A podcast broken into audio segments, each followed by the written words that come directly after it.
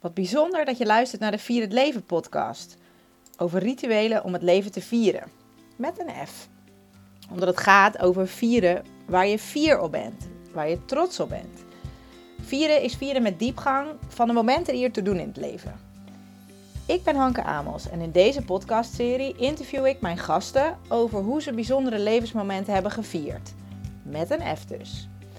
Ik wil jullie graag bewust maken van de rituelen in ons leven. Wat zijn rituelen? En hoe kan je zelf bijzondere momenten die we allemaal kennen vieren?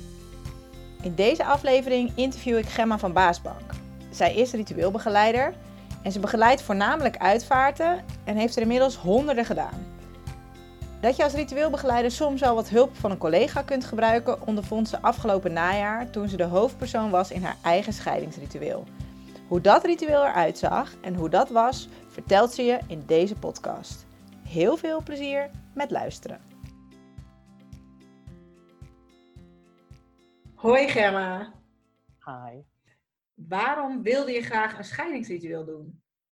Ik wilde het eigenlijk niet, had ik helemaal niet bedacht dat ik het zou willen. Maar ik was inmiddels een jaar gescheiden en ik was er nog helemaal niet uh, klaar mee. Ik dacht na zo'n scheiding, nou dan uh, teken je de papieren, dan heb je een eigen vletje en dan is het klaar. Dan ben je, ben je dan ga je verder. Maar dat was dus niet zo.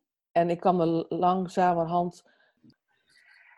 Ik ben in uh, december op mezelf gaan wonen. In januari heb ik papieren getekend. En rond september, oktober dacht ik: Oh, nu ben ik er pas. Ik, heb, uh, ik dacht dat ik vooruit ging. Dat ik aan het verder leven was. Maar toen kwam ik er achter dat ik uit het diepe zwarte gat was geklommen waar ik in zat. En dat had ik helemaal niet door. En toen ik er buiten, boven op de aarde stond, figuurlijk gesproken. Toen dacht ik, oké, ik ben eruit, maar wat nu? Hoe moet ik nu verder? En dat wist ik gewoon niet. En toen zei mijn stagiaire die toen was, die toen had mijn ritueel, een ritueelbegeleider, zei, waarom doe je geen scheidingsritueel? En dacht ik, ach, een scheidingsritueel? Dat is helemaal niet, uh, dat hoeft helemaal niet. Ik ben toch gescheiden, ik ben toch blij? Maar langzamerhand dacht ik, ja, waarom eigenlijk niet? Het is eigenlijk wel goed om even stil te staan. Om even uh, stil te staan waar ik nu ben, om terug te kijken en hopelijk, dacht ik, naar dat ritueel, naar die ceremonie, kan ik ook verder. Want ik weet ook niet hoe ik verder wil. En daarom dacht ik, dat is misschien wel goed. Maar hoe, ook al is het mijn eigen werk, wist ik niet. Dus toen vond ik het wel fijn dat zij zei, nou, dan uh, wil ik je daar wel wat bij helpen. hey, en want dan, dan um, even dat, dat heel kort ook het proces, of in die zin, je, uh, je schetst dan van, ja, je denkt, je tekent in januari de papieren en nou, dat is het dan. En je komt eigenlijk drie kwart jaar later erachter van, oké, okay, dit kost dus tijd. Daar zit ook nog natuurlijk een heel ander, zelfs voor het tekenen van die papieren is ook nog een heel proces. Dus dan zit je in een proces van, nou ja, waarin je dan zo'n scheiding in zit, anderhalf, twee jaar misschien wel, waarin je... Drieënhalf jaar wel. Ja, waarin je dus, ja, nou ja, waar je dus dan denkt, oké, okay, waar allerlei beslissingen worden genomen, op een gegeven moment ga je zeggen ik ga scheiden. Dat wordt dan in werking gezet. En eigenlijk een, een, met allerlei verschillende mijlpalen, waarvan je dan misschien wel denkt, oh de grootste is het tekenen van de papieren en inderdaad zo'n eigen fletje. Maar nou ja, dat is dan zo'n groot proces dat, nou ja, wat jij dan ontdekt, je komt op een gegeven moment ergens boven en je denkt, oh, ligt de wereld er zo bij? Ja. Ondanks dat het dan dus je werk is, is het zo dichtbij dat je eigenlijk niet eens bedacht van, oh ja, ik, ik doe de hele dag eigenlijk rituelen en Oh ja, hier kan ik gewoon iets mee doen. Klopt, helemaal. Ja, dat, dat is dus, dichtbij. Ja. Toen dacht je, hé, hey, dat vind ik misschien wel een goed idee. Dus jij bent aan de slag gegaan met zo'n scheidingsritueel. Uh, en hoe gaat zo'n proces dan? En dan ging ik uh, googlen, en dan ging ik uh, op Instagram, Instagram kijken en dan zag je heel veel divorce parties. Oh, grappig. Maar dat was een beetje, heb je, in Amerika heb je dat al, maar dat was een beetje zuur allemaal. En uh, de ex afzeiken. Dat vond ik wel heel grappig in het begin. Haha. Maar later dacht ik, oh ja, dat is natuurlijk... Want ik heb, ik heb twee kinderen. En dat hele afzeiken, dat is wel grappig onder vriendinnen. Maar voor de rest hoeft het eigenlijk... Dat, ook een, dat, hoef ik ook niet. Dus ik was aan het zoeken hoe dat moest. En wat ik ook gezocht heb op internet, zag je dat al die mensen het samen deden. Dat een man en vrouw zo, nou niet zo gelukkig, maar zo fijn eh, gescheiden waren als vrienden. Nou, dat was bij ons dus ook niet. En ik heb wel gedacht, nou, kijken of hij dat interesse in heeft. Maar heel snel zei hij, nee, daar heb ik geen behoefte aan. Dus mijn scheidingsritueel moest ik in mijn eentje doen. En met mijn kinderen dacht ik, ja, dat heb, dat heb ik eigenlijk heb ik op een andere manier gedaan. Dat is wel een onderdeel van het ritueel geweest, maar niet. Ik heb echt een scheidingsceremonie gehouden en daar zijn mijn kinderen niet bij geweest. Dat was wat te, was de vraag ook alweer? heftig. Nou, hoe, je, hoe het ging vanaf het moment dat je bedacht, dus inderdaad dat je het scheidingsritueel Ja. ging doen. Maar dat was dus een proces, ja, dat begint al met een creatief proces waar je zelf Klopt. gaat nadenken over wat moet dan de toon zijn. Nou, dat afzeikerige dus niet. Ja. Eh, en welke vorm moet het dan hebben? Klopt, dat was een heel proces. Want ik wist, het bestaat natuurlijk niet echt. En wat bestond past niet bij mij. Dus ik ging zoeken naar wat bij mij paste en hoe ik het wilde doen. Ja. En eh, een ritueel, dat, daar zie ik dan wel het, eh, daar zie ik het nut wel van in. Want een ritueel is voor mij een handeling die je met aandacht uitvoert. En toen zei mijn ritueelbegeleider, die zei van nou, die had ze allemaal rituelen, zag ze voor zich. En het was goed dat ze mij dat aandroeg, maar dat paste allemaal niks, paste niet bij mij. Vond ik niet fijn, voelde niet goed. Maar ik wist niet wat ik wel wilde. En toen heb ik uiteindelijk, heb ik met een vriend erover gehad en toen kwam ik er zelf eigenlijk achter. Ik moet gaan lopen. Ik moet zelf eh, een tocht maken. Toen heb ik een pelgrimstocht gelopen van vijf dagen rond Nijmegen. En dat was voor mij, ja, dat was voor mij een hele, was voor mij, klinkt een beetje zweverig, helend. Maar dat was, dat was al een beetje jouw handeling met aandacht verrichten. Klopt. Een Dat hele was een hele lange. Klopt. En, dat- en dat ging ik afsluiten met een ceremonie, wat eigenlijk ook een ritueel is. Dus het is Ja. nog wat je ritueel noemt. Ja. En dat, dat in die ceremonie was weer, dat was Ja. ook weer heel bijzonder. Uiteindelijk, je bent dus gaan wandelen. Wat eh, kan je ons meenemen in, ja, misschien jouw ritueel? Ja, Want dat is was dus een heel proces geweest. Kan je, hoe ging dat? Of hoe zag dat er precies uit? En de ceremonie erbij. Wat, hoe zag het eruit? Ik ben, daar ben ik benieuwd naar. Nou, met zo'n scheiding ben je dus heel erg achteraf, kom je erachter, ben je alleen maar heel erg druk om te zorgen dat het voor de kinderen goed gaat. Dat jij eh, gelukkig bent, dat jij leeft. Dat je, je bent heel erg aan het rennen. En ik dacht, met een, ritueel, met ritueel kan je een keertje stilstaan. Dus het klinkt een beetje tegenstrijdig, maar ik heb dus vijf dagen gelopen om stil te staan. Want het belangrijkste voor mij was, ik heb mijn telefoon thuis gelaten. Ik heb mijn telefoon niet meegenomen. Ik heb onder, eh, onderweg allemaal eh, eh, overnachtingen geboekt. Dus ik kon toen, nam een beetje, ik nam een beetje vakantie van mijn leven. En ik dacht, ik, dan kan ik gewoon, dat dacht ik van tevoren, dan kan ik gewoon mijn hele scheiding herleven. Dan kan ik alle pijn kan ik ervaren, kan ik gewoon een keertje terugkijken. Ja, dat soort dingen had ik allemaal van tevoren bedacht. En toen ben ik gaan lopen. En toen kwam ik er dus achter dat ik helemaal niet zoveel pijn over die scheiding voelde. Daar had ik eigenlijk wel heel, een heel stuk, had ik al genoeg over gehuild en mee gedaan. Maar ik voelde me in die dagen vooral heel erg ehm, dankbaar. En omdat ik wist dat ik zou afsluiten met een scheidingsceremonie met mijn eh, liefste vrienden om me heen en mijn familie. Ik wist dat dat mijn eindpunt was. Dacht ik, oh wat fijn om vrienden te hebben. Om mensen om je heen te hebben die, die van je houden, die, die, die achter je staan. Dus dat, daar was ik blijkbaar heel veel mee bezig. En in mijn kinderen zijn, heb ik, zijn nog wel een keertje langs geweest. Dat vond ik ook heel bijzonder. Dus ik ben, kon toen een keertje echt voelen. In plaats van alleen maar doorrennen omdat je moest... Ik moest natuurlijk gewoon werken. Ik moest mijn eigen, alles, alles voor mezelf betalen. Al het gedoe. Dus dat was voor mij heel erg eh, stilstaan. Met aandacht. En eh, fijn dat er mensen om je heen zijn die, dat, eh, die er dan voor je zijn. En je liep natuurlijk een rondje om je eigen woonplaats. Ja. Wat dan, nou ja, misschien nog wel extra allerlei symboliek zat daarin. Of dat weet ik dan, dat er, dat er ja, langs mensen met jou mee. Ja, langs je trouwlocatie. Er liepen mensen met jou mee onderweg. Ja. Stukjes. Je hebt veel alleen gelopen, maar er zijn ook mensen die met jou hebben opgelopen. Ja, dat vond ik ook heel fijn. Ja. En die mensen die meeliepen, dat waren natuurlijk ook niet zomaar mensen. Nee. Dus eh, mijn getuige heeft eh, meegelopen, onder andere. En mijn vader heeft meegelopen. Bijvoorbeeld met mijn vader was voor mij ook heel bijzonder. Want hoe vaak loop ik nou een uh, urenlang met mijn vader? Dat doe ik nooit. Hij had ook wel door dat het iets belangrijks was. En het is, het is geen praten. Maar dan heb je dan op, met zo'n ritueel of met zo'n ding dat je dan bewust iets doet. Dan voelen mensen wel, oh ja, dit is, blijkbaar is het, ja, blijkbaar is het iets. Wat het mooie is, dat je dus dingen kan doen zonder het uit te spreken. Hè? Dat is het mooie van rituelen. Ja. Je voelt het wel, maar over praten is weer een ander ding.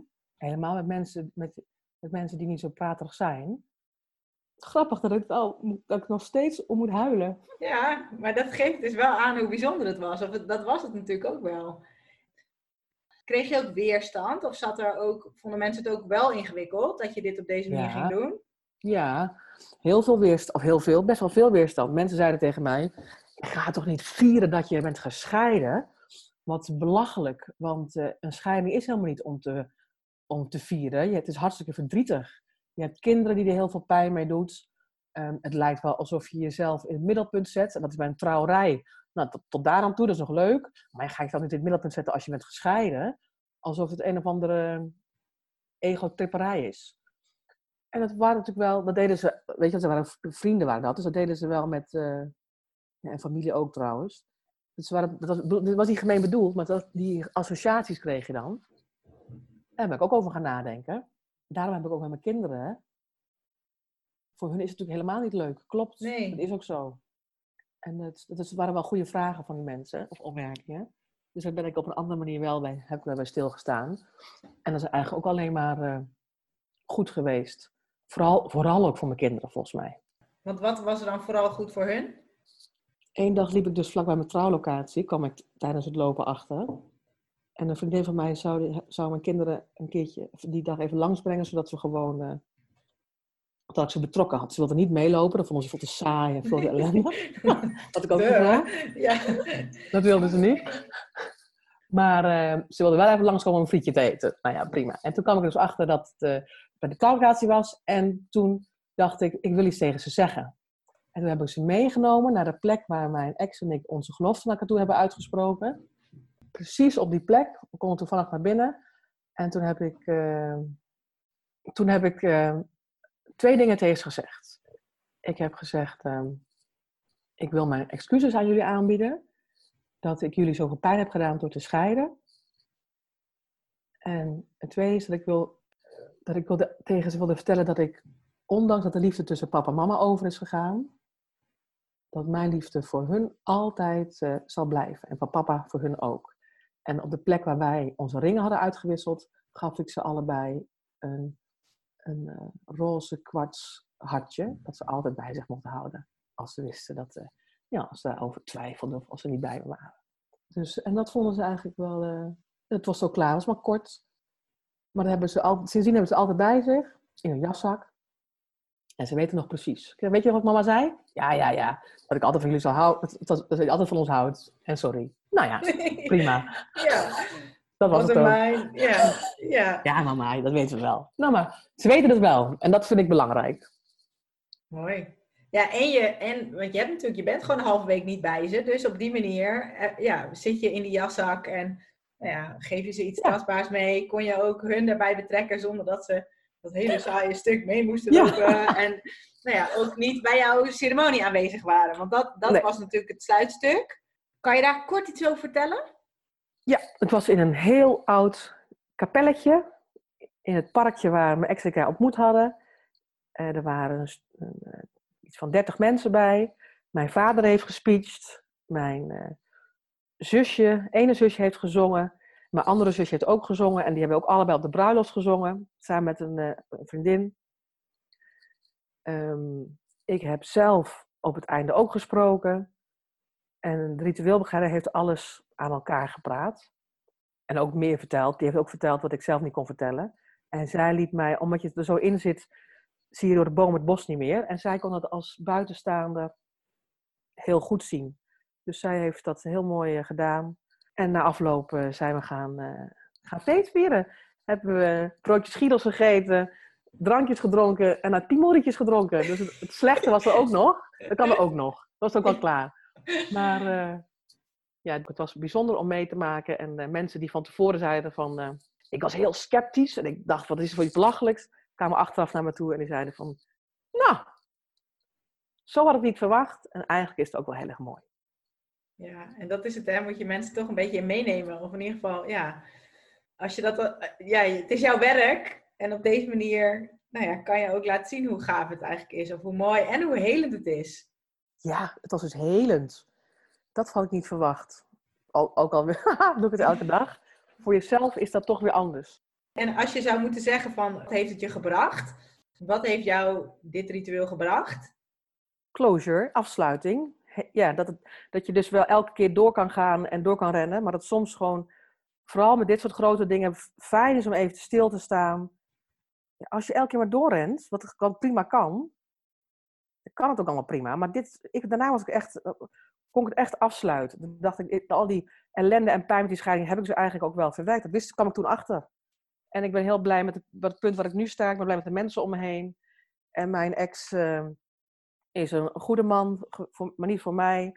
Samen hebben we mooie kinderen en dat, komt goed, weet je wel. En ik kon ook, dat ik hoef niet boos te zijn. Dat was ik ook niet meer. Het, was, het is goed zo. En dat, dat had ik nog niet helemaal door. En nu heb ik dat door. Nice, dat is mooi. Hey, is er nog iets wat je, wat je hierover zou willen zeggen wat ik je niet heb gevraagd? Zoveel, Hanke. Zoveel. Ja. Kies ja. één ding. Ja. ja. ik snap dat, dat heel veel mensen denken, uh, raar, of het klinkt misschien zweverig, het is allemaal niks. Maar een ritueel kan je dus helemaal doen op de manier die, bij jou past. En als je iemand hebt die daarbij kan helpen, is het alleen maar nog fijner. Dus uh, ga ervoor. Doe het. Ik vond het fijn. Dit was hem.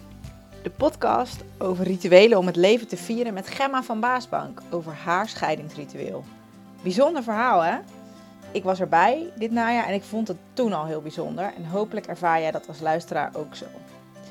Ben je nou benieuwd naar Gemma, naar aanleiding van dit interview? Kijk dan eens op haar website www.altijdceremonies.nl of volg haar via Instagram, Gemma van. Dit was de Vier het Leven podcast over rituelen om het leven te vieren.